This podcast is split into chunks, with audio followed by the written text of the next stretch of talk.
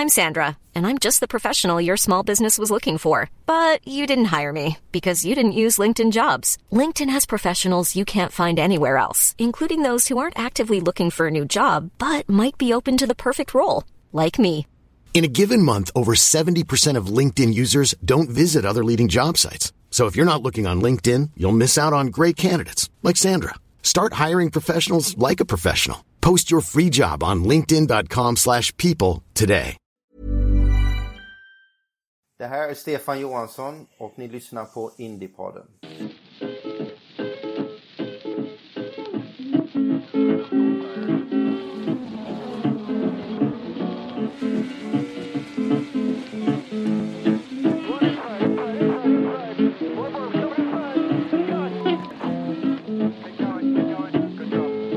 Said I wonder where my easy rider gone.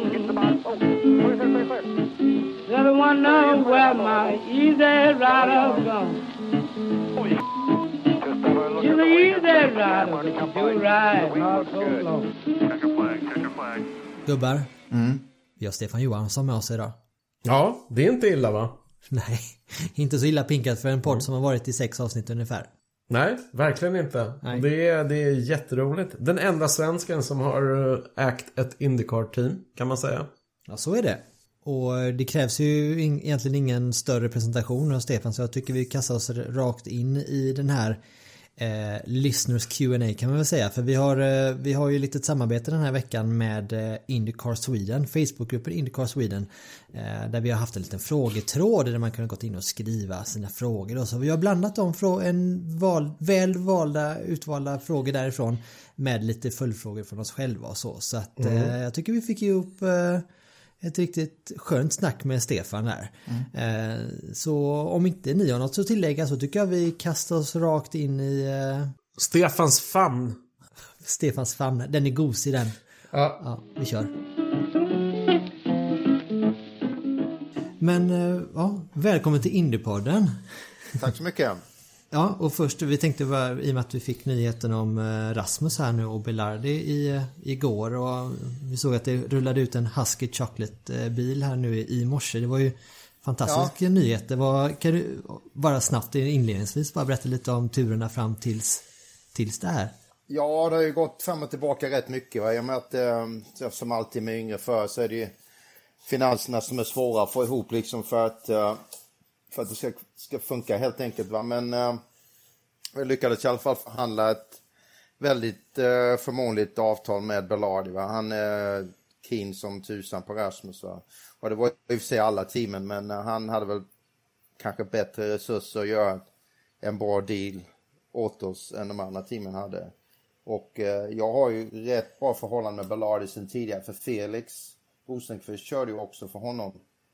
Ehm, det var egentligen så hans Indy-karriär började också kan man ju säga, när vi körde, körde en halv säsong med Belardi då. ehm, och sen fick vi en testkörning med Ganassi genom det och, eh, och sen liksom, sen uh, the rest is history som man säger. Så, så vi får hoppas vi kan repetera det med Rasmus. Ja, det hoppas vi med. Bra jobbat till dig också och alla runt omkring honom, herregud. Det, Ja, det måste vara otroligt kul att vara inblandad i de här unga svenskarnas karriärer, kan jag tänka mig. Eller? Ja, ja visst är det det, självklart. Det är ju det, det är jättekul. Va? Det är ju när man, när man på något vis kan liksom få dem att, att blomma lite grann om man säger så. Va? så att, eh, och liksom ta, ta det stora klivet ut i världen. Va? Det är fantastiskt. Och speciellt om det lyckas då också så är det ju ännu, ännu roligare. Va? För det är ju, Ja. det är ju, det är ju tufft i alla avseenden i racing liksom. Oavsett var man, var man tittar. Va? Det är ju inte... Det är inte för dem med svaga hjärtan om man säger så. Nej. Så att, eh, ja men det är jätteskoj. Vi har ju lite specialupplägg här. Vi har ju, fick ju fått massa lyssnarfrågor så att vi kontaktade ju Indycar Sweden, den här stora Facebookgruppen och frågade om de kunde starta en frågetråd inför detta och intresset var ju jättestort. Ja, jag såg det. Jag såg några av frågorna här. Men var jätte, jätteotroligt roligt att du är här Stefan och vi, vi tänkte att vi, vi kan väl, vi drar igång frågorna. Gregory, du har ju en fråga från... eh, Ja, precis. Det är, vi pratade ju om en svensk förare alldeles nyss när vi pratade om Rasmus eh, Lind. Men eh, Fluck Jonsson frågar vem du tror det kommer gå bäst för, Marcus eller Felix i år? Ja, det är ju... Det är ungefär så hur långt det är ett rep, det är omöjligt att svara på liksom det. det, det är ju så, alltså, det är det som är så kul framförallt med Indycar också, att man vet ju aldrig egentligen vad, vad resultaten ska bli. Det är ju så otroligt jämnt mellan både alla förare och, och alla teamen också. Så det gör ju att den som liksom får det rätt på dagen egentligen, det är ju de som som, som, som får ett bra resultat helt enkelt. Det har ju det, strategi, det är så otroligt många variabler som mm. spelar in på ett, resultatet i ett Indycar-race som man jämför med F1 till exempel. För där vet man ju mer eller mindre, när man kvalar in, där slutar man i regel. Varför, om det inte Just är någonting det. som händer, om det inte händer någonting på de första två varven. I, i, liksom innan allting lugnar ner sig lite grann va, så är det ju väldigt svårt att, få göra någon skillnad. Men eh, Indycar, som jag säger, liksom att strategin är ju otroligt viktig. Mm. Och, och, även depåstoppen i och med att det, det, det är svårare att göra ett konstant depåstopp om man säger Indycar. Eh, med tanke på att det bara är en person på varje hörna på bilen. Just det. Eh, så att det gör ju att det blir lättare att göra ett misstag. Va? Missar man en sekund när det är gul flagga eh, och alla kommer in samtidigt, va? då kan du förlora tio placeringar. Va? Så att med tanke på det så tror jag det är väldigt svårt att säga vem som kommer att gå bäst mellan. Men de är ju duktiga bägge två va? och de sitter i bra bilar bägge två nu så att eh, jag tycker det ska bli jättespännande va? Och, och hur det kommer gå, gå det här året för allihop. Mm. Och framförallt också då min, min kille Scott Dixon givetvis. För nu är de ju i samma team alla tre också va? så hoppas Just det. Inte, hoppas inte de tar livet av sig efter första racet redan i alla fall. ja, men det är så otroligt häftigt. Dels att de har så sjukt bra förutsättningar i och med att de kör för ett toppteam. Och dessutom ja. att de har Scott Dixon där som är en sån, alltså han är ju ett sånt märke liksom. Någonting att verkligen jämföra sig med. Det, det tycker jag är så otroligt, ska bli otroligt kul. Men du som har följt Felix eh, ganska länge, vet jag. Hur, hur, tycker du att han anpassade sig till Indycar under fjolåret när han verkligen här, fick den här möjligheten med ett toppstall? Jag tycker han, han gjorde ju ett fantastiskt jobb. Han var ju med från början. Han hade ju till och med kunnat vinna St. Pete om det hade gått riktigt. Alltså mm. allting hade klaffat perfekt med depåstopp och allting. Va? Så att han har ju, han anpassade sig väldigt fort för det. Det som var lite tufft var väl ovalerna då, va? men framförallt med Indy med att han hade jag menar, jag vet ju själv när man kört det liksom, har, har man en krasch på Indy så tar det tid när man kommer, kommer igång igen. Va? För det är så otroligt känsligt. Det är just en, mm. när, man, när man kör där så är det mycket en känsla. Va? Man tycker bilen är okej okay hela tiden tills den inte är okej. Okay, och då, då, sitter man i muren. Så, att det, det.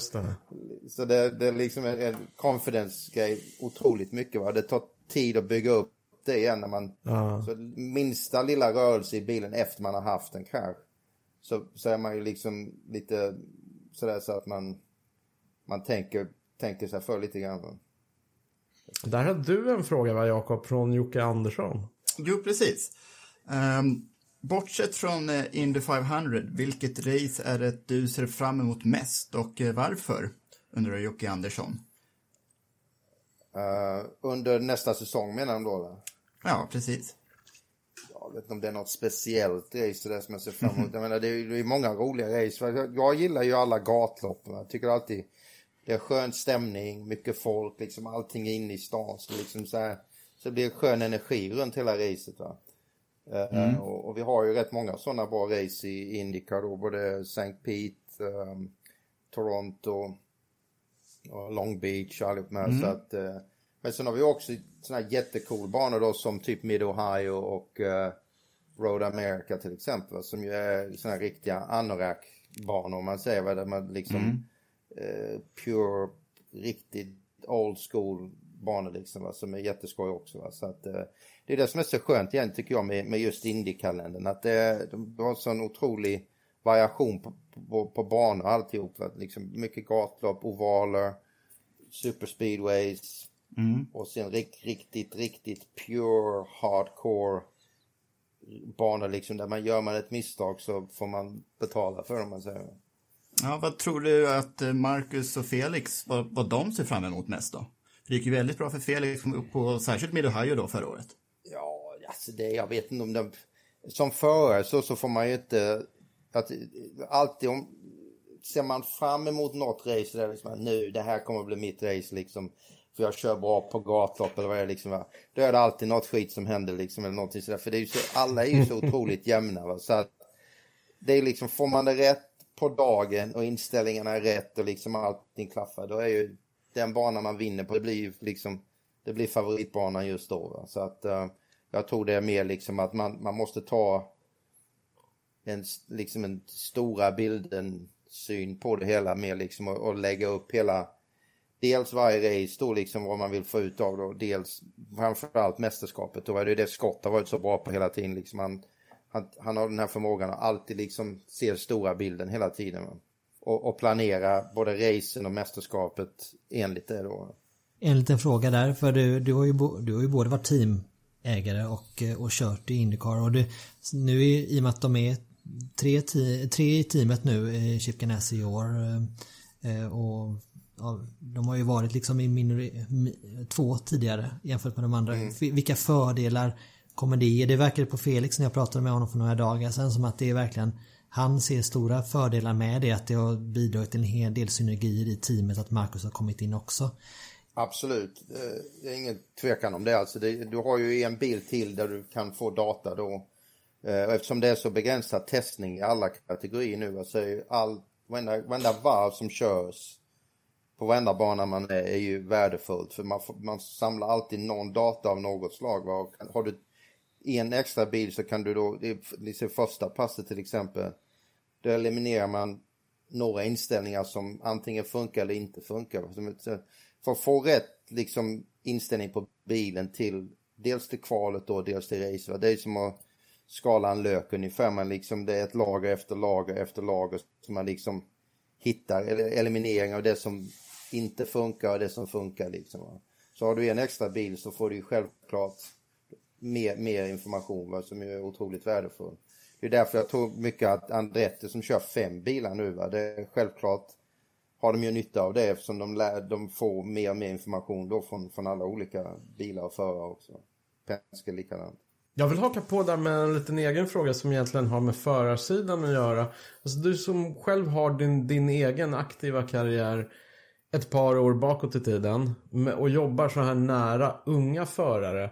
Får du en känsla av att den nya senaste generationen av förare jobbar alldeles för mycket datadrivet? Att de är väldigt fokuserade på data? Mer än kanske ni var?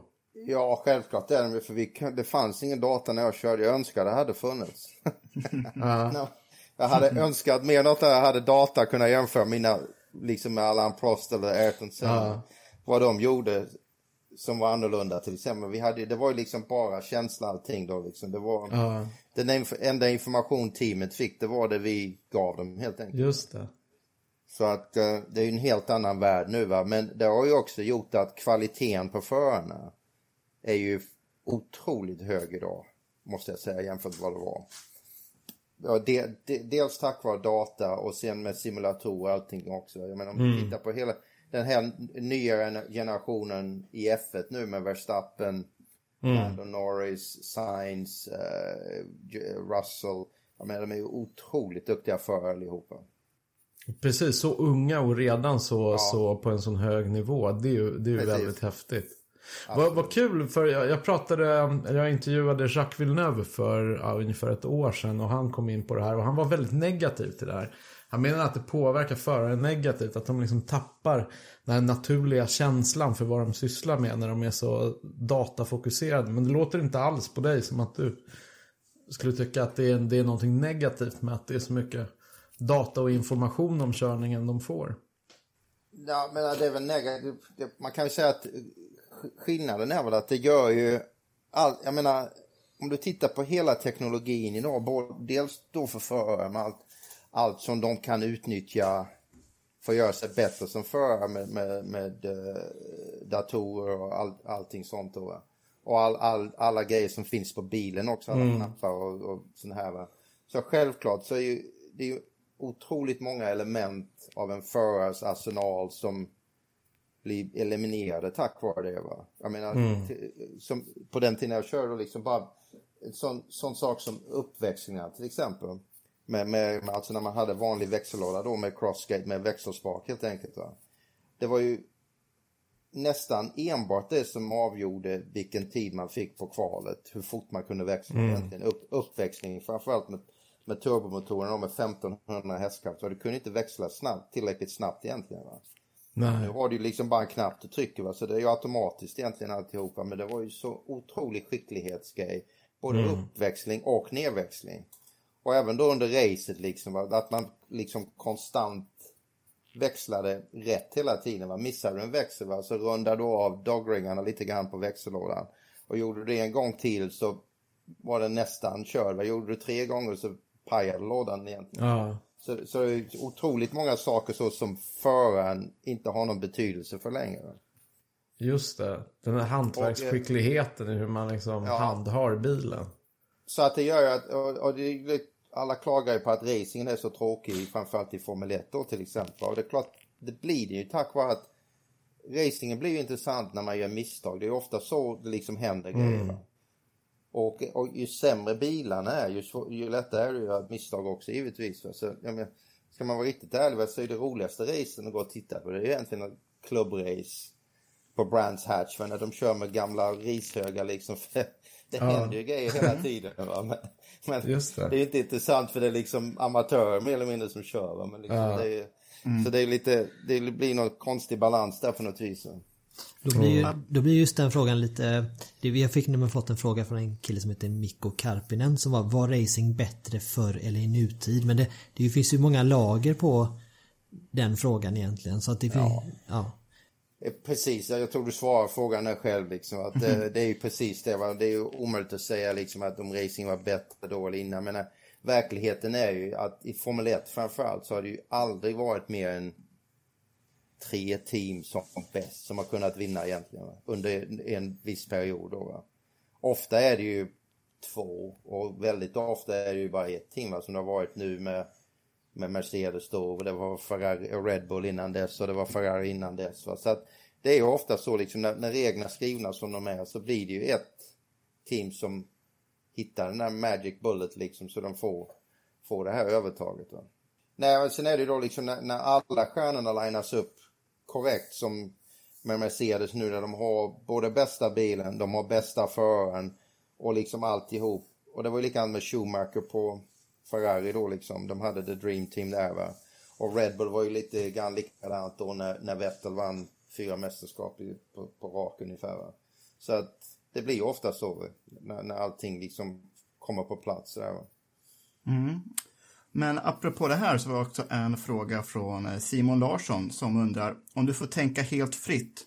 Hur skulle du önska att Indycar hade förändrats i framtiden? Det enda som jag tycker egentligen behöver förändras på Indycar för det är ju att, eh, att deras marketing kunde ju vara ofantligt mycket bättre. För jag menar verkligheten är ju mm. att i min uppfattning så är det ingen diskussion om att Indycar är den absolut bästa racingen av någon klass i hela världen. Jag menar, det, finns, det är inte ett race som avgjort innan det är tio varv kvar egentligen. Ja. Och alltid spännande. Mästerskapet är alltid minst tre, fyra, ibland fem förare som kan vinna titeln i sista racet. Men mm. det finns ju inte ett mästerskap som är i närheten av det. Så all, alltså rent sportsligt så tycker jag det är väldigt, väldigt bra. Det är inte så mycket man behöver göra egentligen för att göra det bättre. Men däremot är ju att de har ju verkligen en opportunity här att göra någonting riktigt stort av det tycker jag. Och, Om vi eh, fortsätter. Med, ja. Ja, men nu när, när Penske har tagit över så tror jag det finns Precis. mycket hopp om att det kan hända också. Ja, det var det jag tänkte fråga. Vad, vad får du för intryck av Penskes vision av Indycar då? För det verkar ju hända en del bakom kulisserna nu. Ja, det kan jag lova. Alltså det, jag vet ju inte detaljerna, va? men det, jag menar, finns det någon som vet hur man ska liksom driva det här så är det ju Roger Penske. Va? Liksom det är ju, han, han, är ju, han har ju levt hela sitt liv, har ju varit baserat runt racing och framförallt då Indycar.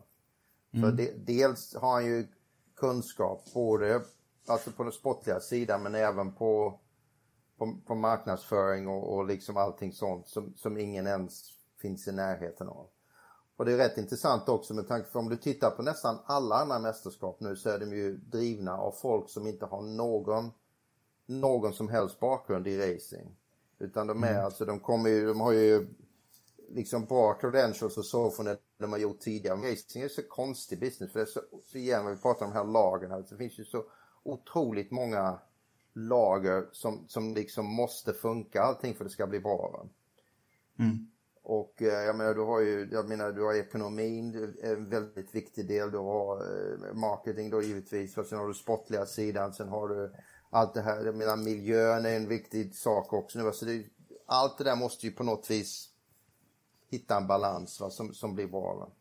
Det som är karaktäristiskt för Indycar är ju, är ju såklart att man kör enhetschassin och eh, att det bara är två motorleverantörer för tillfället. Så vi har en fråga från Patrik Mattsson som undrar vad tror du skulle krävas för att fler motortillverkare utöver Honda och Chevrolet skulle ge sig in i Indycar?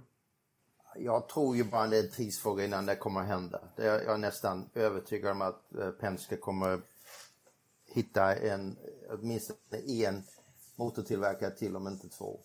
Det, det, jag det är nästan övertygad om att det, det kommer det är bara en tidsfråga när det händer. Har du någon känsla för något, någon, något som skulle kunna vara något märke som skulle kunna vara på G?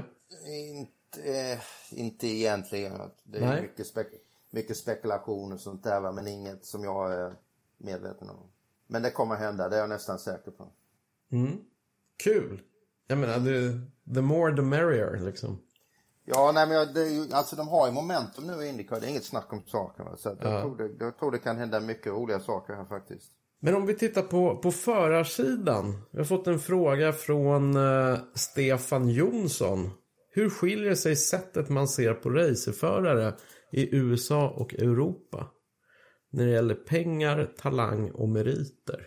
Ja, mycket, många olika element. Men jag menar, det är väl inte så stor skillnad egentligen hur man ser på föraren. Så man kan väl säga att det är ju, om vi då fokuserar på Indycar igen jämfört med F1 va, så är det väl, du har ju större möjligheter att få en styrning på merit kan man säga i Indycar än du har i Formel 1. Va? Men i Formel 1 nu är man inte liksom del av något av de stora teamens juniorprogram så är det ju nästintill omöjligt att komma in i F1. Eller ha, eller ha en jättebudget själv så att säga. Va? Men jag menar, liksom att komma in, antingen är du del av Red Bulls program eller du är del av McLaren-programmet eller Ferraris juniorprogram eller Mercedes. Va? Och då är det ju liksom, då är du en av 20 i många fall. Va? Så chansen att du ska bli en av de 20 är ju, annars blir du utspottad i hörnet någonstans liksom. Va? Sen, mm. sen, sen är det kört liksom. Va? Så att um, det är, rätt, det är ett tufft program där också. Men det ska det ju vara i och för sig. För jag menar F1 är ju, eller ska ju vara det ultimata så att säga. Va? Så att det, eh, det är inte meningen att alla ska få chanser där heller utan det är ju de absolut bästa. Va? Men, det, men det är ju ofta, också ofta väldigt små tillfälligheter som gör om det blir så eller inte. Va? Sen ser man ju då när de kommer in i Formel 1 om de är, för alla, alla i den, när de är på den nivån eller när man är på den nivån så att säga, då är ju, alla har ju otrolig talang. Va? Så det är ju inte det det handlar om utan det är ju mer den mentala biten egentligen när man kommer så långt. Va? Hur, hur stark man är framför, och framförallt i F1, det är det, där måste man ju vara väldigt stark mentalt för att liksom klara av allt pressure och allt bullshit som man får dela med liksom utan. Så det enklaste är ju att köra bilen egentligen, det är allt det andra man mm. måste liksom reda ut också. Tyvärr. Men, men, men det här att flytta sin karriär från europeisk racing till amerikansk racing. Du gjorde ju det skiftet på 90-talet. Hur, hur, tycker du att möjligheten att göra det har förändrats? Har det blivit lättare eller svårare eller?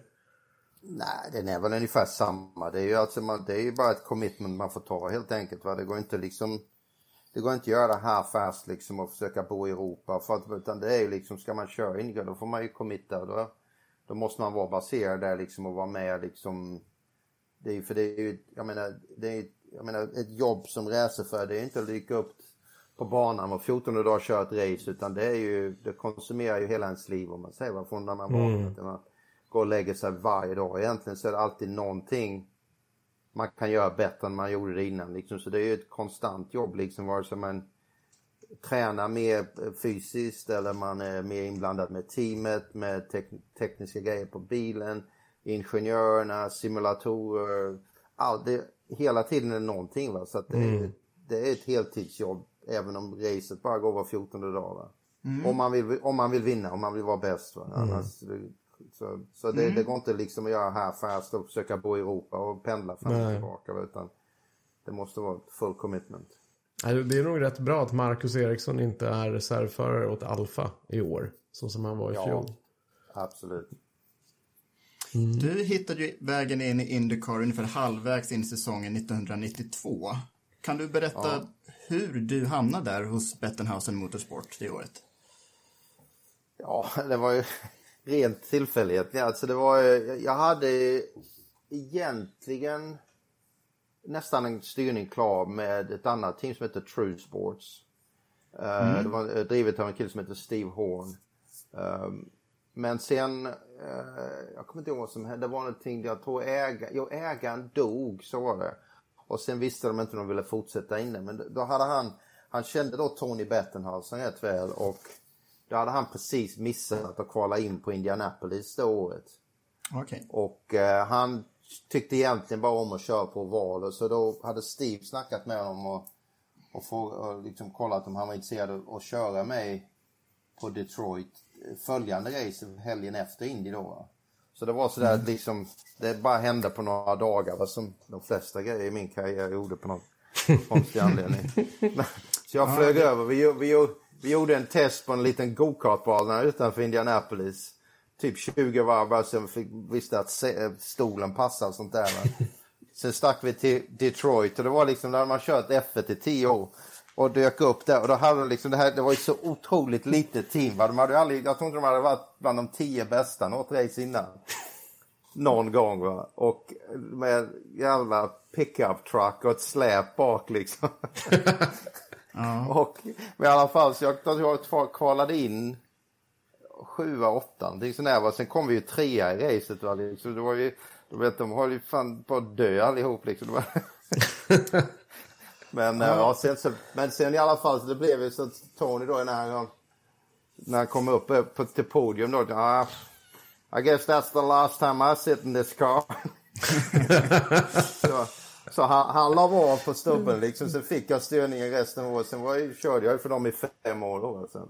Hade du helt lämnat Formel 1 bakom dig när du då hamnade i Indycar? Ja, det hade jag redan beslutat liksom att det var, det var nog liksom. För det grejen är med, jag har liksom, är man inte bland de, de två eller tre liksom bästa teamen, då vet man ju innan säsongen börjar att det finns inte en chans att liksom att- att vinna va. Så att, ehm, och de, Ja, du- de få chanser man får liksom, får man inte till det då va, då är det liksom, då är det ju kört. Va? Och du bekräftar ju din poäng som du har nämnt att i Indycar har alla hyfsad chans att alltid vara med i topp tre när du själv kom i topp tre första loppet med det här Ja. eh, ödmjuka stallet. Ja, jag vet precis vad det går liksom. Om man, om man får till det rätt och liksom rätt strategi och sådär så, så, så går, det, går det att göra någonting av det i alla fall. Mm. Och sen så var det Indycar fram till ja, säsongen 1996 ska det vara. Eh, Så har jag en fråga från Mats Svensson som vi fått från Facebook. Han undrar hur vänskapen var mellan förarna under din tid i Formel 1 och Indycar. Var det någon särskild du ansåg var en god vän bland förarkollegorna?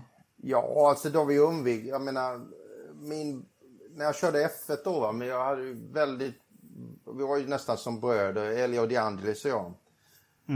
Och sen eh, gick, omkom ju han olyckligtvis i den här testolyckan då på Paul Ricard. Så att, eh, och det var vä- väldigt tufft faktiskt. Och det var ju konstigt nog egentligen, om vi går vidare, det som fick mig att börja måla av någon konstig anledning. Jaha, Ja. Det- vad intressant. Ja, det- Berätta. Ja, nej det var, jag vet inte riktigt vad, jag var, var, var rädd, det var tufft alltså. Det var, jag hade svårt att komma över det där. Var, på någon anledning så gick jag köpte en duk och lite färg och göra någonting då med, med han i tanken då liksom och sådär va. Det var egentligen så det började. Sen blev jag ju förälskad i det och sen har jag gjort det sen dess. Va. Hade du målat innan? I din ungdom? Nej, all, aldrig rört en pensel i mitt liv innan dess. Vad blev det av den målningen? Ja, det vågar jag inte ens tala om. Den är, den är gömd vid morsans källare någonstans i Växjö tror jag. Ja. Men var det, blev det liksom en som en tröst för dig när du började måla? Ja, eller vad var det som gjorde att du fortsatte sen? På något vis, det var väl någon slags terapi av något slag som jag liksom kändes rätt då i alla fall. Va? Det var ju skönt jag gjorde det för det har ju varit, liksom blivit min, min bästa vän eh, ända sedan dess. Va? Det, liksom, det har tagit över från körningen på något vis liksom och fått en skön transition där från, från det till konsten som på något vis ger mig samma mentala tillfredsställelse som när man kör bilen. På vilket sätt då? Ja, det är väl kanske det här med fokus och det här liksom att man är så otroligt koncentrerad på det man gör att man glömmer bort tid och allting egentligen. Um, och det är skönt liksom sån här uh, sinnestillstånd att vara i när man liksom är så otroligt fokuserad på det man gör att man liksom allt annat bara försvinner egentligen. Vi kan ju passa på att ta den frågan då för Jakob har en fråga eh, på just det för vi fick även lite konstfrågor till dig. Ja, Simon Osell undrar vart i Los Angeles ligger din ateljé och kan man komma och besöka? Ja, det kan, den är ju inte öppen till publiken men självklart går det att besöka om jag, om jag vet att någon kommer. Det, och det gör jag ofta. Jag har ju mycket, mycket gäster som kommer in i studion och, och, och köper mycket konst genom att bara besöka så här. Så jag, den ligger i Santa Monica, mitt inne i smeten. Okay. 14 gatan. Så det är typ fem minuter ner till havet ungefär, gå, gå, gåväg. Så, um, så det, är jättebra. det är en gammal kyrka som jag har hyrt, mm -hmm. hyrt uh, hela övervåningen på. Så att uh, jättecool space faktiskt. Mm. Låter mm. übermysigt. Ja, du har varit baserad i Los Angeles ganska länge va? Ja, jag har varit 16 år nu. Jag varit här. Ja. Hur kom det sig att det blev just Kalifornien och LA? det är en bra fråga. Det, det var väl mer så när min för detta fru nu, hon bodde här när vi träffades. Så, mm. Och sen fick hon ju flyga, komma över till Indianapolis också där, så vi bodde ju där först. Sen när jag slutade köra Indycar då och slutade med mitt team och så här så beslöt jag liksom att nu sticker vi liksom, annars blir, kommer det ett nytt projekt om en vecka, då blir man fast i Indy i tio år till liksom. Så att det var sådär rätt hastigt beslut egentligen men eh, det ångrar jag inte utan med Kalifornien är ju det är svårt att slå alltså om man väger ja. upp det, det goda mot det onda så är det inte många ställen som är bättre än Kalifornien tror jag inte. Hur skiljer sig mentaliteten mellan öst och västkust egentligen? Det, är de mer softa i, i Kalifornien? Det är väl både och. Alltså jag vet inte om man kan generalisera eh, sådär utan jag menar det finns 12 miljoner människor i Los Angeles. Alltså det, det mm. finns lite av varje här också. det är, men det är, det är en svår stad att komma in i när man, för, man får hitta sin egen liksom groove med det folk man umgås med och det är liksom det man gör. Va? Men det finns ju allt för alla här liksom. Och fantastisk natur, havet och alla dalarna och bergen i bakgrunden och allting sånt. Alltså det finns ju otroligt mycket att göra om man om man gillar eh, liksom utomhusliv också. Mm. Vad hämtar du inspiration från idag när du målar? Idag, ja det beror ju på, det kan vara vad som helst alltså. Det får man ju intryck här och där liksom. Det kan ju vara vad som helst egentligen. Uh, nu har jag liksom en serie som jag håller på med olika grejer då va? men, uh, men ibland, det, det, kan ju vara, det kan ju vara i hela världen liksom. Man går på gatan så ser man någonting så klickar det till liksom. Då får man en idé, sen spinner man på den där idén till det bli någonting av det egentligen. Har det ändrats över tid? Har liksom eh, konstnärskapet och måleriet betytt olika saker för dig under alla de här åren? Ja, det har det nog gjort lite grann. Jag, har ju varit, visst, jag hade ju rätt långt gap när jag inte gjorde så mycket då eh, mm. under många, många år. Sen, sen började jag igen för några år sedan nu liksom på riktigt på allvar för första gången egentligen. Mm. Det var som en hobby hela mitt liv innan dess. Va? Men, eh, men nu tar jag det riktigt på allvar liksom. Va? Och, planerar utställningar och grejer och, ja. och säljer då lite på nät och sånt här också. Va? Så att, eh, och det går jättebra för det. Jag är förvånad hur, hur bra det har gått hittills. Va? Men det är ju skoj. Mm. Ja, kul. För det var väl så nu att det finns en eh, det begränsad upplaga av så fine art prints som eh, du erbjuder online va? Mm, precis. Kan du berätta lite om det? Ja, så jag har gjort jag har gjort rätt många av de här tavlorna så jag, vi beslöt att göra liksom bara för att känna av lite grann eh, fine art prints då av samma tavlor. eh, i, i upplagor då va? och det har ju, vi har ju sålt jättebra eh, bara genom nätet då liksom va? och, och lite här och där så att och sen det ska vi väl expandera då till fler produkter så småningom va? Tänk, lite, lite olika saker så här va men en sak i taget så har vi gjort lite skateboards nu, vi gjorde en surfbräda häromdagen i samma samma Mm. alltså, prints här va? den blev jättecool va? så att eh, det är skoj. Du är lite sugen på en, Tänk eller hur Ronny? Jag är sjukt sugen på en men jag sa, sa det i förra avsnittet Stefan eh, att eh, den här Study for Lucha Libre eh, men det var en liten, en liten fråga där från min fru då. Vem är det under masken? Ja, den, den är ingen igen, det är bara en generisk eh, mask den väl, person. Men däremot håller jag på att utveckla en hel serie med, eh, med de maskerna också, med olika personer, kända personer bakom masken. Så den första, första jag håller på faktiskt, kanske inte säga, men det är- gör Lewis Hamilton. I, med, med hans hjälmfärger på masken då. Ja, vad roligt. Sa, sa, samma design på masken som hans hjälm är. Det kan vara rätt coolt tror jag. Men den har, inte lite, den har lite Lucha Libre-vibbar just den masken på sidan där och det, det är ju det. Ja, Gud exakt. Ja, men jag tror det, det kan bli kul. Men jag vill ju inte bara liksom begränsa mig till så man liksom eh, blir någon kliché med bara racing hela tiden. Utan det blir lite olika. Det kan ju bli vad, eh, olika människor och olika liksom ja, vad som helst egentligen. Va? Något som är inspirerande eller inspirerande människor eller liksom sådär så att man känner någonting när man tittar på den. Det är det som är hela grejen för all den konst jag. Man liksom, jag vill att åskådaren eller den som tittar på det får, får en reaktion av något slag i alla fall. Men nu när du förde honom på tal, är han sin generations bästa, Lewis Hamilton? Ja, absolut. Jag tror han är, han är, han kan bli den bästa någonsin i min uppfattning. Han, jag, jag tycker, jag är stor fan av Lewis måste jag säga. Och jag, vad, framförallt vad jag, vad jag verkligen gillar med honom mer än något annat att han har vunnit allt genom att vara väldigt hård men fair hela tiden. Aldrig, nå- inte en gång har jag sett honom göra något dirty driving mot någon annan. Nej. Det, jag, menar, jag menar, Senna var fantastisk men han introducerade ju en helt ny attityd på förare som liksom har funnits sedan dess. Sen kom Schumacher och tog det till en helt annan nivå liksom. Just Så det. att, eh, så att det liksom, jag hoppas att vi kan komma tillbaka nu genom att Lewis inspirerar alla de yngre förarna som kommer upp nu att så här man ska köra. Man kan fortfarande vinna VM-titlar och race genom att vara hård men fair och smart liksom och planera racet i- igen i den stora bilden mycket mer liksom. Man måste, man behöver inte vinna varje batalj för att vinna kriget. va. Så att, och jag tror han verkligen hans mentala stadie är på en helt annan nivå än både Senna och Schumacher var i min uppfattning.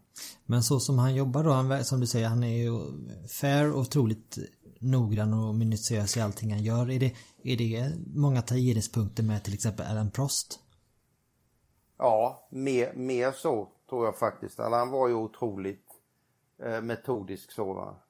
Och eh, så jag tror han har, han har lite av varje där liksom så här va. Jag menar, han har ju extrem talang givetvis och kanske lite mer de andra. Jobbar lite hårdare än de andra som alla de stora förarna. Eller alla stora idrottsmän egentligen. Det är ju det som gör att de blir så stora. Det är att de har kanske 2 eller 3 procent mer rå talang men de har 20 procent hårdare arbetsetik liksom och jobbar hårdare, tränar hårdare, fokuserar hårdare liksom allt är, de lägger ner mer jobb än någon annan på att bli bäst helt enkelt. Mm. Här får mig faktiskt in på en uh, lyssnarfråga från Rickard Flodin som undrar vem är din favoritförare? Då misstänker jag att han menar genom tiderna. Ja, alltså det, upp till nu så har det väl alltid varit Fangio tycker jag. Han var, alltså han, med, tanke på vad han gjorde på den tiden med tanke på hur bilar allting var var ju helt otroligt. Va? Och liksom, jag vet inte om det, det finns en sån här onboard video från när han körde på. Jag på den tiden. Alltså det är helt, man börjar nästan gråta när man ser det. Alltså det är helt otroligt. Vilken, vilken, alltså sån otrolig bilkontroll alltså. Med, med, vet, även på den långa raksträckan så fick, sitter han ju och jagar bilen varenda sekund. Ratten pekar inte rakt en sekund någonstans Nej. hela varvet. Och du vet med däck som är typ 4 centimeter breda. Och, du vet, liksom.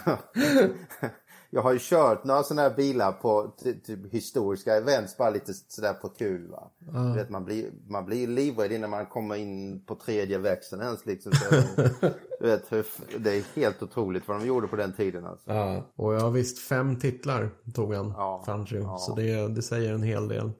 Så han är nog min, min favorit fortfarande faktiskt. Då kan vi spinna vidare på den eh, eh, nu är vi ändå inne på work-life balance lite så. Martin Lagus eh, undrar Förr i tiden så var det champagne och korv innan start. Och idag är det knappt en förare inom vissa klasser som rör ett glas. Tror du det finns en optimal balans oavsett personlighet mellan att ha kul utanför jobbet eller banan för att kunna prestera max i bilen?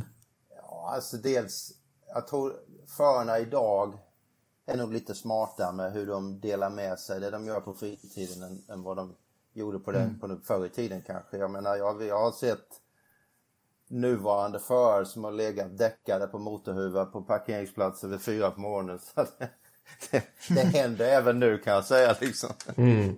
Då och då när de, släpp, när de släpper loss va. Men, eh, men eh, självklart så är det ju, jag menar, väldigt mycket mer rigoröst liksom diet, allting sånt va. Men när de, jag menar, de festar till då och då när det liksom, när det, när det, när man ska festa till efter mästerskapen är slut eller sådär va. Så att, eh, men det kan man göra när man är ung och liksom i, i, och vältränad och så va. Det är inte, det är inte hela världen då och då.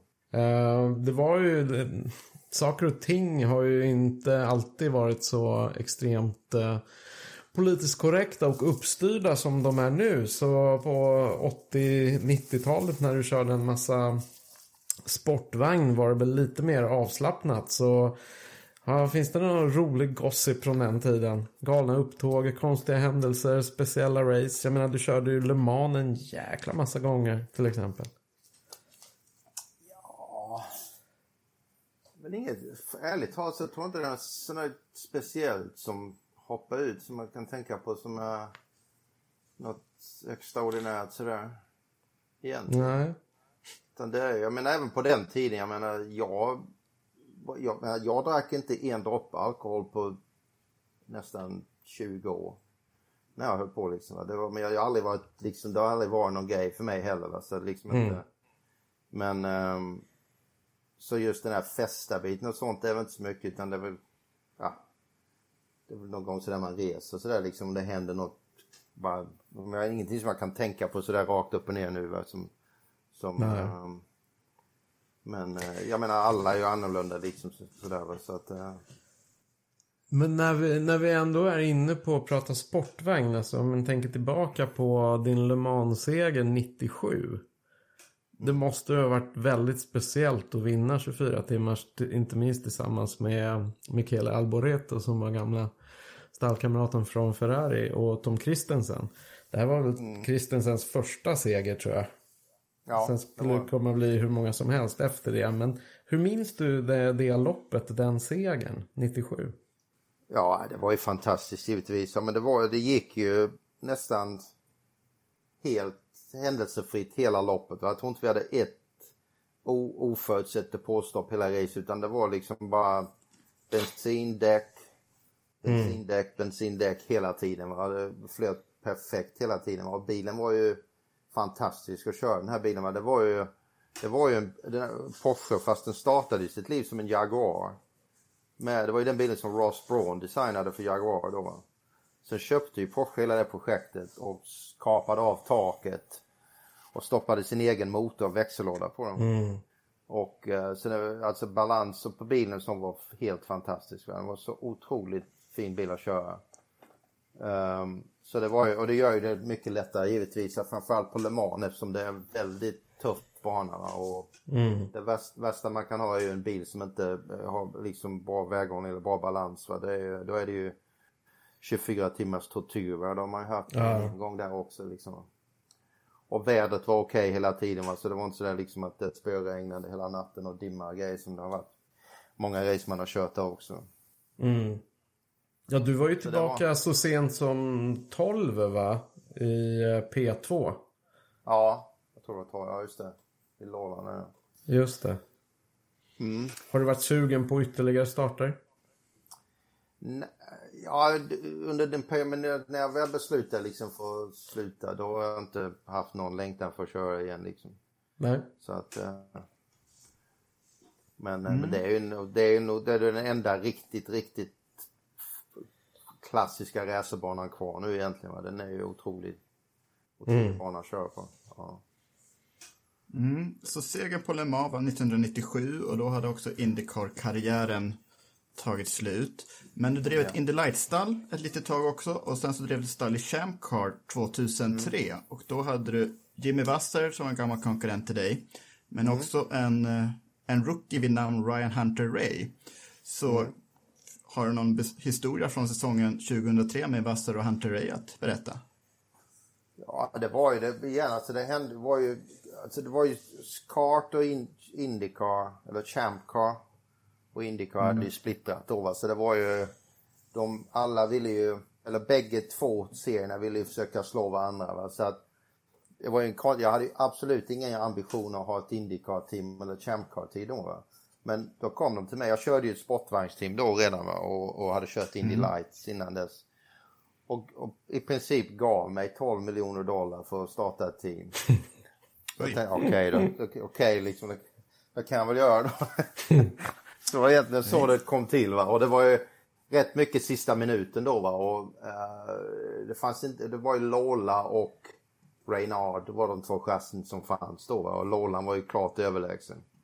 Men då fanns det inte fler Lola att köpa helt enkelt. Så vi var tvungna att köra Reynard då, vilket ju var var tufft, gjorde det väldigt tufft liksom att, att, att hänga med konstant. Va? Men vi vann ju trots det. Vi vann ett race och uh, var på podium några gånger eh, även då i första året. Va? Så att vi hade ju lyckats samla ihop ett bra team i alla fall, bra folk och sådär.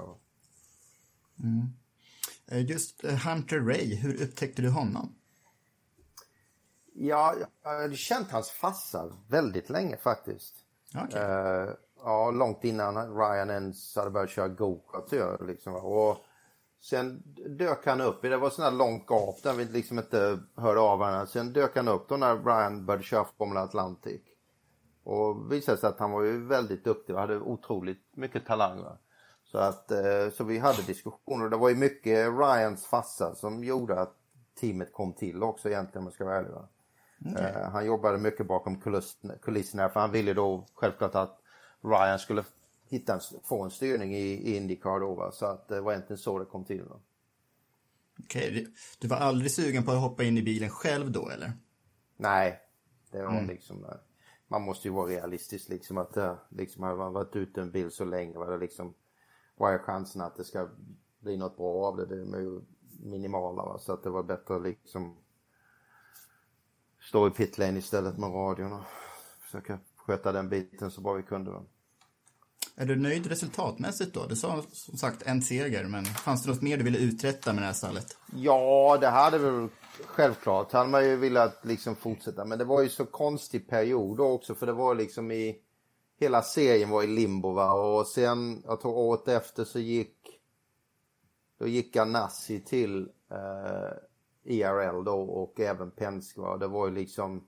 Då var det ju mer eller mindre död serie när de stora stallarna hade försvunnit va. Så det var liksom...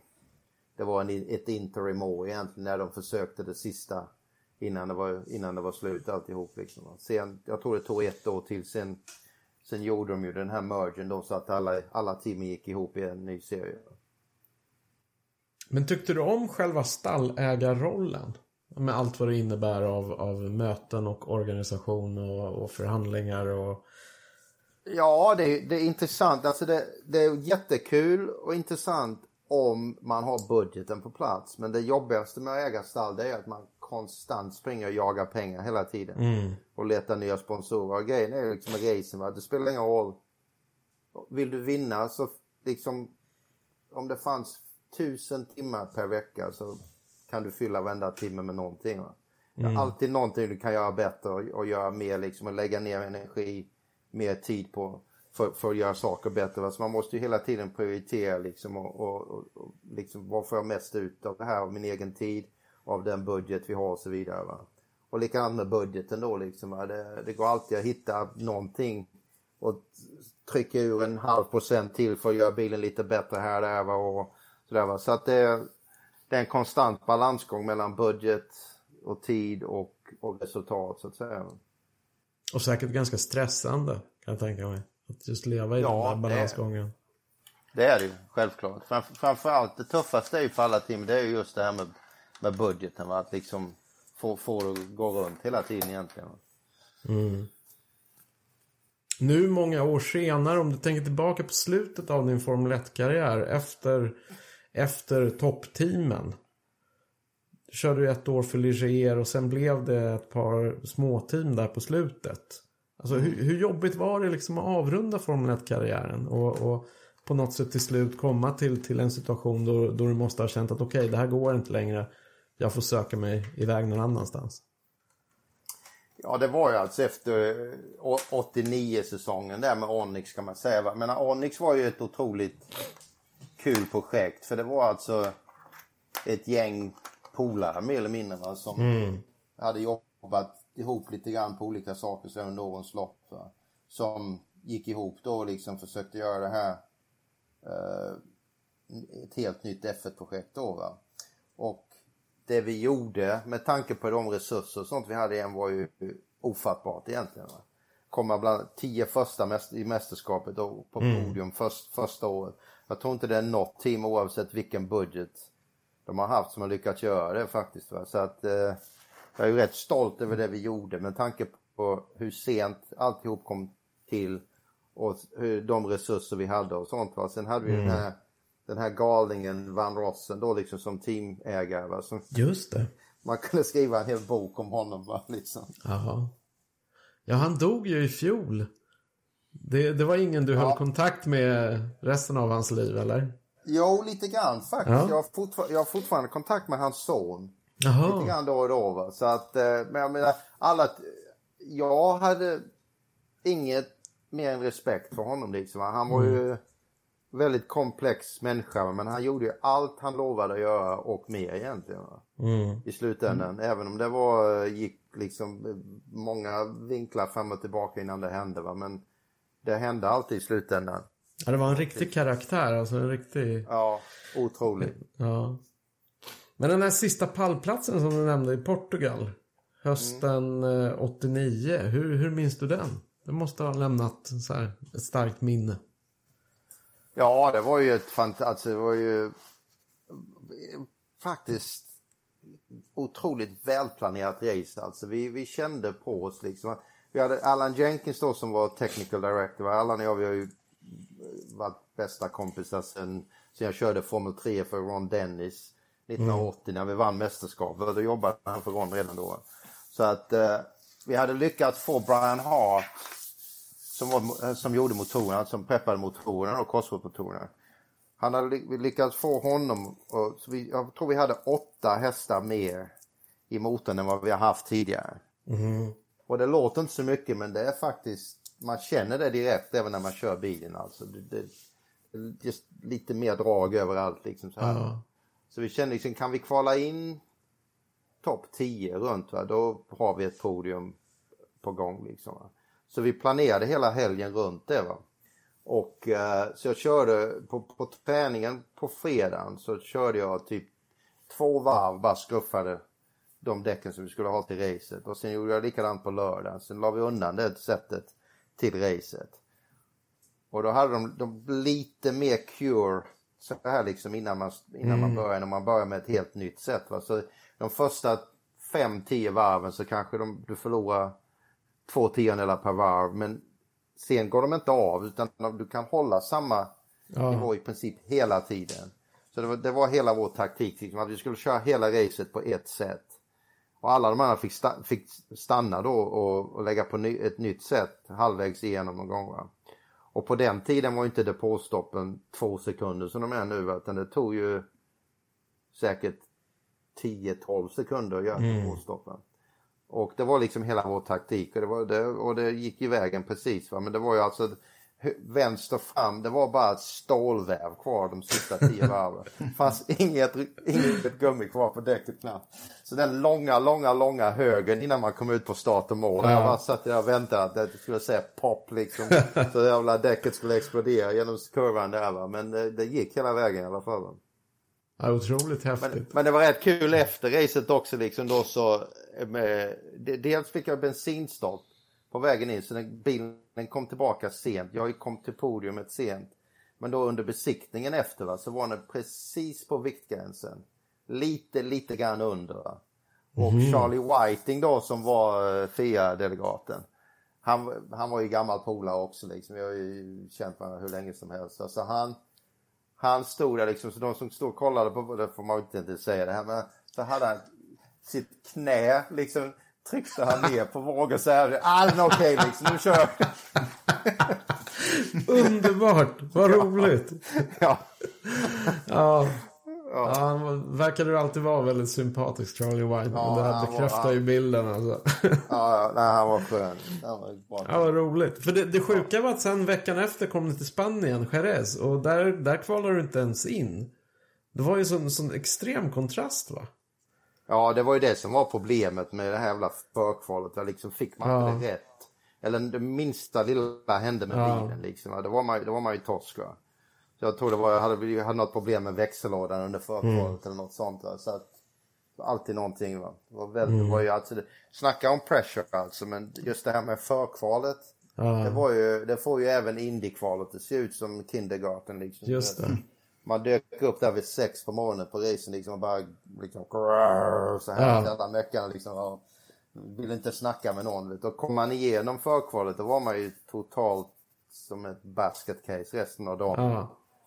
Men mm. för grejen var liksom alla de teamen som körde förkvalet, eller de, det var ju i regel kvalade vi ju in bland de 10-12 mm. bästa. Alla de stallen. Så att det var ju bra bilar allihopa. Mm. Så det var väldigt tufft att komma igenom det där förkvalet. Mm.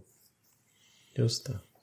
Mm. Du nämnde lite Indykvalet. Eh, jag kom då att tänka på 1995 när du faktiskt gav Penske torsk men ändå fick starta allra sist. Uh, har du någonting att berätta om eh, Bump Day 95? Ja, det var ju alltså, det var väl en av de tuffaste erfarenheterna jag har haft i hela min karriär liksom på gott och ont. Va? Det var ju, så Pens, vi hade ju, Bettenhausen då som jag körde för, vi hade ju Penske-bilar också va. Och mm. Penske va. Så att, eh, och de hade ju dominerat så otroligt året innan med den här stora motorn de hade då va. Så att mm. de hade väl, jag tror de hade liksom eh, glömt bort lite grann hur viktig bilen var va? utan de hade så jävla mycket hästkraft så de behövde inte ens bry sig om det va. Så när vi kom tillbaka följande år då, med all, när alla hade samma motorer för det var ju den, det var den liksom banden motorn va. Då, ehm, och det visade sig att de var ju totalt inte i närheten av tillräckligt snabba. Så vi försökte ju första helgen då, kvalhelgen, så var det ingen av Penske-bilarna som kvalade igenom. Så då blir det lite panik då. Va? Så vi lyckades ju hyra en bil från Hiro Matsushita som var hans showcar som de hade på typ eh, shoppingmallar och grejer. En, en, en, en, en fjolårsbil som vi stopp, mm. fick, fick hyra en motor av Cosworth också då liksom använda. Och Penske de hade ju både Lola och de hade Reynards. De hade ju typ två, tre olika bilar. Va? Och eh, så följande helg då, så då hade vi, men när vi kom till den helgen då, första helgen så hade vi, man, reglerna var så att man fick ha tre försök, tre försök per chassi. Mm. Eh, och sen fick man inte köra mer med den bilen om det inte gick. Va? Eh, så vi gjorde ju det första helgen men det funkade inte med någon av bilarna, varken för oss eller Penske. Så då hade vi följande helg och då hade vi tre försök med den här bilen. Och den var ju snabb, skitsnabb från början liksom. Det var typ direkt 226 varv eh, första gången vi körde ut ungefär va. Mm. Så då var vi liksom klara att linea upp då på morgonen där va och eh, körde ut på första försöket. Det var ty- detta var alltså försök nummer sju då under hela, hela den här processen. Va? Och eh, då blåste pop-off-valvet av så då fick vi slänga av den försöket. Och sen var det bara att vänta då till sent på eftermiddagen när det, när det börjar bli kallt igen. Va? För det, det är meningslöst att försöka köra mitten på dagen för då är det så hot, liksom varmt och luftfuktighet och sånt. Va? Så då går det typ 3-4 miles per timme långsammare än det gör sent på eftermiddagen. Så då väntar vi i alla fall till nästa försök då typ fem någonting kanske på eftermiddagen. Åkte ut och då var den bara, det liksom gick inte tillräckligt fort. Bilen var totalt draggy så här liksom va. Och då var det liksom mer eller mindre, hade, hade gett upp mer eller mindre va. För då var det typ bara en kvart kvar någonting när vi hade kört det här försöket. Va? Och eh, så jag bara liksom körde förbi vårt, där vi stod parkerade i depån och körde rakt in i, rakt ner till det här besiktnings, där man ställer upp innan man kör ut igen då, för de besiktar de bilen varenda gång innan man kör ut. Va? Och så kommer de ner då, Tony Bettenhausen, ingenjören och alltihop liksom. Då var man i en slags jävla twilight zone mentalt liksom. Alltså att man liksom inte, inte har någon rationell tänkande mer att man ska vara, det här ska gå helt enkelt ja, på något vis. Jag liksom sa ingenjören, liksom ta bort all vinge, max negativ vinge både fram och bak. Och det är lite typ, det var typ 2,5-3 grader då va? och normalt så justerar man en kvarts grad åt gången för att liksom vet, känna att man har rätt balans och sådär. Så det här var typ 6-7 gånger mer än vad man hade gjort på en justering normalt. Va? Mm. Och de var liksom alla, nej nej för fan det är okej okay, liksom. Det är, det är liksom, det är liksom, do it, just do it, fuck it. Liksom så här. Och så det var Sen åkte jag ut och då var det när, när jag körde ut, för det var några bilar som var före mig också, så när jag körde ut så gick pistolen av. Det är det att då är det kvalet slut liksom. Men om man lämnat depån, när det, då får man avsluta den körningen. Så det var, det var sex på kvällen då. Mm. Och sista försöket då va. Och jag hade inte kvalat in det, men det var, det var Emerson på On the Bubble då va. Mm, 33 och, eh, plats alltså. Ja, precis va. Och eh, åkte ut och liksom, vet, hade ingen aning vad bilen skulle göra. Absolut noll. Vet, det kunde ju hända vad som helst när man svänger in i turn one där första gången liksom då på först, första kvalvalet. Va? Så att, eh, och håller du inte fullt så det, kan du bara glömma. Då är det inte tillräckligt snabb. Utan det måste vara fullt hela vägen, alla fyra varven. Mm. Så jag liksom, bara för liksom var, verkligen vara säker på att jag vågade hålla. Så satt jag vänsterfoten ovanpå högerfoten, liksom bara tryckte så hårt jag kunde. och, och så sväng, svänga in liksom och, och vet, bara liksom här, nästan skrek hela vägen in i första svängen. Och det höll ju i kanon va. Det var ju perfekt balans på bilen och gick ju skitfort tack vare att det var så lite vinge på den. Va? Så jag hade kvalat in typ andra ledet normalt, alltså om jag hade kört vanligt. Va? Så vi kvalade ju in då och sen blev ju Emerson ut, utknuffad då. Så det var, mm. det var en, men vet, efter det, sen, det var så otroligt mental, alltså sträcka sig, jag har aldrig sträckt mig själv så långt liksom och inte veta vad som skulle hända liksom. Så att man går in i det här totalt mörkt hål någonstans liksom när man inte mm. vet vad som finns på andra änden egentligen. Va? Men, mm. Eh, och det var ju en otrolig, alltså jag var ju totalt knäckt i tre dagar efter. Jag kunde fan inte fungera som en vanlig människa alltså. Det, Vad häftigt. Det, det, ja. Var det, det större var, än Portugal och Belle ja, Le Mans? Ja, absolut. Det var just med det att, att, man, att jag aldrig någon gång sträckt mig själv så långt. Mm. Liksom utan att veta vad som skulle hända efteråt. Mm. Vi har en lyssnarfråga här från Lasse Larsson. Apropå det här eh, indiekvalet du berättar om. Alltså han skriver så här. Som elitidrottare är man inne i den fullständigt optimala zonen ett antal gånger under karriären. Kan du berätta om den upplevelsen i något lopp i formelbil eller sportvagn? Ja, just det vi just snackade om där med Indy, det var ju definitivt en av dem liksom. Va? Det är ju inte alltid det reflekterar mm. i resultatet, men det är ofta så också liksom många, många race man har kört när man inte har absolut bästa bilen och så utan man kanske ligger och slåss om tolfte plats men med tre andra förare i världsklass som är i samma situation när man har kört liksom det finns inte en halv procent mer tur ur liksom ur sig själv eller bilen i två och en halv timme liksom va. Men, men det är liksom inget, man har ingenting att visa för det va. Men, och det är ofta så det har varit liksom va. Sen har man många race man vinner då liksom. Då har bilen varit, varit helt överlägsen liksom. Så är det ju hur enkelt som helst att vinna va. Så att man liksom mm. får försöka njuta av momentet lika mycket också va. Det är liksom just be in the moment va. Mm. Men, eh, men eh, självklart så är det ju sådana tillfällen som, som gör när, allting bara flyter liksom. Det känns som att gå på trottoaren ungefär liksom. Och det är ingen effort överhuvudtaget. Va? Allting mm. bara liksom, all, alla sinnen, allting är precis på topp hela tiden. Mm. Har vi några mer frågor? Ja, absolut. En annan grej som, som eh, jag höll på att missa här bland alla fina äh, frågor. En annan grej du har sysslat med länge, det är ju, det är ju armbandsur, Stefan, eller hur? Mm, ja. Var, var, var kommer det intresset ifrån egentligen? Ja, som flesta killar så jag, jag hade alltid intresse av klockor. Jag samlade på mig lite då i början när jag började tjäna lite pengar sådär. Och sen i slutet på min F1-karriär så blev jag tillfrågad om jag ville vara så här ambassadör åt ett eh, schweiziskt brand. Och eh, det var väl intressant va? men det, det, problemet var att de klockorna de hade var så jävla fula. så, så jag, jag, kände mig inte riktigt så komfortabel och ta deras pengar men inte liksom ah. använd. Så att jag sa, kan vi inte göra någonting ihop då? Att vi gör en design ihop eller någonting sånt ah. Så det var egentligen så det började va? och sen lärde jag mig då hela processen mm. med eh, hur det funkar va? och så Som de ville göra liksom lågt pris, hög volym och jag var mer intresserad av att göra lite mer exklusiva klockor då. Så att mm. då beslöt jag för att göra mitt eget liksom istället. Va? Så det var egentligen så det började. Okej. Okay.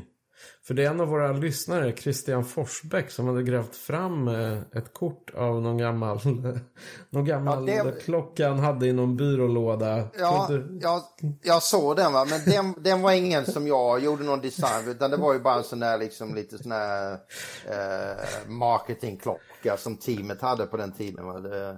Ja, det var ju skönt att höra. Ja. Ja. Är, är, det okay, är det, Stefan, är det okej okay att vi har den som försättsblad för veckans eh, podd? Nej, det ska vi inte ha. Men vi kan Nej, lägga ut den. På, den, är, den är fantastisk är den. Det är ju typ ja. som jag hade när jag var... Ja, ja men det är en viss kontrast mot de klockorna du, du gör till vardags. Ja, men det där var ju bara en billig digital. Jag, jag, vet, jag tror inte ens... Jag vet inte fan ens som... Jag kommer inte ihåg ens som jag hittade den här klockan. Det var, jag tror det var en av tjejerna som jobbade för oss liksom, som, som hade tyckte det var en bra idé. Så vi gjorde några stycken och, ja. som vi gav bort lite till höger och vänster. Jag har en fråga här eh, faktiskt av egen karaktär. Det, Robin Miller har en sån tradition att bjuda rookies och utländska förare på Indiana State Fair. Ja. För att smaka på den amerikanska kulturen. Eh, och det gjorde han med dig så. Jag har hört att det där var en rätt skön historia. Kan du inte berätta det? ja, det var inte, det var inte Indiana State Fair tar det en nivå ännu värre. Men det, det, restaurangen han talar till heter Mug and Bun. Och den ligger typ en halv kilometer från banan där i Indianapolis. Och det är en sån här drive-in. Alltså du vet man kör, parkerar bilen. Så kommer de att ta orden i bilen med, med brickor och mm -hmm. allting sånt. Så. Och jag hade sån här, vad fan hette det, pork eh, någonting. Eh, någon tunn fläskkotlett som var djupt stekt då i all olja som finns ungefär va. Och jag skämtade så det var typ Det här var alltså 1993 och jag är säker på att den här jävla fläskkotletten är i min mage fortfarande någonstans. det, det, tog, det tog hela månaden och liksom den. Men hur brukar du göra med mat idag? Vad är det du brukar käka? Är det amerikansk matkultur du tycker i dig eller är det svensk husmanskost fortfarande? Det är både och kan man säga. Jag har ingen sån där liksom mat, men jag gillar väl rätt, jag äter rätt mycket japansk mat här. Sushi och fisk och sånt för det, det finns så många bra sådana restauranger här. Men eh, det, jag menar första man gör när man kommer hem till Sverige det är ju tjockgrillad special givetvis. Det, mm. det, det får man ju inte missa. Är du ofta hemma i Sverige?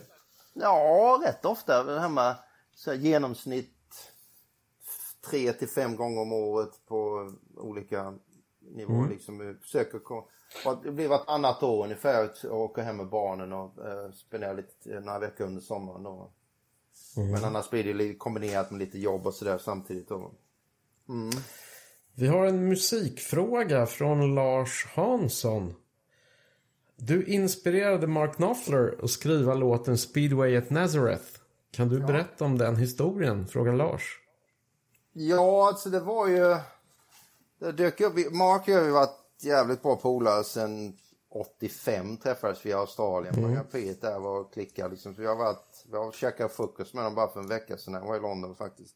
Okay. Så att, um, ja så vi har, han, vi har ju alltid, och på den tiden då när man snackade på telefonen när det inte fanns liksom, när man textade och sånt här. Så vi brukade ju prata minst en gång i veckan i alla fall beroende på om han var på turné och jag var på race och sånt där. Och då ringde jag så vi, vi snackade hela, det, hela det året då egentligen som den här sången handlar om då, om olika mm. saker då, liksom att jag hade olyckan med Crossnov då liksom, det var väldigt tufft när han omkom då när vi krockade, krockade med varandra i Toronto mm. och India, Indianapolis och jag blev skadad, jag bröt ju ryggen i början på det året också va? i en test, testolycka då. Va? Så det var så här, allt, allt som liksom är inblandat mm. i sång så han liksom, det visste inte jag om. Vi snackade bara som man gör, liksom satt och snackade skit då på ett hotellrum med varandra. Liksom, han, i, han kanske var i Brasilien och jag var i typ i Mid Ohio då eller någonting sånt mm. där. Va? Och sen, sen uh, tyckte han, vad är du? Ah, vad är du? Ah, i Nazareth. Nazareth? Liksom vad fan, var ligger det? Ja det är i Pennsylvania då liksom. Aha. Det tyckte han lät så cool då tydligen va liksom så det var, det var väl mer namnet liksom på tit titeln okay. på sången där liksom som blev så här. Sen blev det en sång av det till slut då. Den är ah. fantastisk jag. jag älskar den låten. Ja, den är, ja, den är fin. Ja. Nu har vi fått eh, hela 76 minuter med Stefan och det är ju ja. fantastiskt. Eh, schysst. Lite, ja, har vi några fler frågor eller ska vi börja avrunda? Ja, jag vill bara tacka. Det är jättekul ja. att eh, Stefan Johansson ja. vill vara med på lilla Indiepodden som vi startade upp för ett par månader sedan. Ja, men det här Jättekul. tycker jag är jätteskojigt. Det tycker jag är superkul att det är sånt intresse hemma i Sverige också nu faktiskt. Och jag tror det här kommer att bli, bara bli bättre och bättre med Indycar tror jag. Mm. Så att mm. det ska bli jätteskoj. Va? Nu, både med Marcus och Felix och förhoppningsvis har vi Rasmus i en bil om något år också. Va? Så att jag tror det kan bli super, superkul det här. Ja, verkligen. Mm. Ja. Chipkan ja. C4 bilar 2021 med Exakt. du kan, du är en beställning, en, en beställning från Indiepoddens eh, sida till dig Stefan. Ja, ja det får jag ordna då. Lös det, lös det bara. ja, men, ja. Tack gärna. Ja. Stort ja. tack Stefan. Ja, detsamma. Tack. Vi hörs. Vi hörs. Tack. Ja, det gör vi. Hej. Hej. Hej då. Hej, hej, hej. Stefan Lillövers Johansson, gott folk. Det var sköj. Ja. ja. Ja, och innan vi avslutar, nu måste vi säga då, vi pratade ju om Stefans eh, konst där innan och det är ju faktiskt så att jag vill påminna ännu en gång om att vi har ett specialerbjudande här till er lyssnare.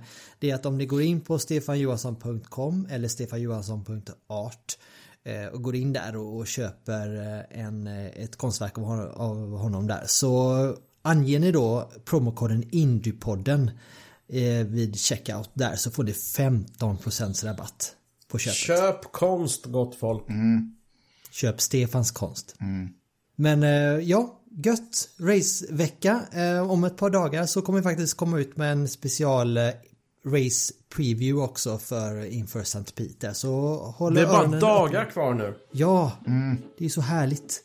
Det var ju tre dagar kvar till första träningen. Mm. Yes. Underbart. Ja, tack än en gång till vår samarbetspartner Automotorsport. Och tack till Stefan Johansson. Ja, ja men jag är, kommer, vi kommer alltid för alltid vara honom evigt tacksamma för detta. Hej då! Hej då! Hej då! Said I wanna know where my easy rider gone. Said I wanna know where my easy rider gone. She's an easy rider, but she do ride hard so long. Hey, it's Danny Pellegrino from Everything Iconic.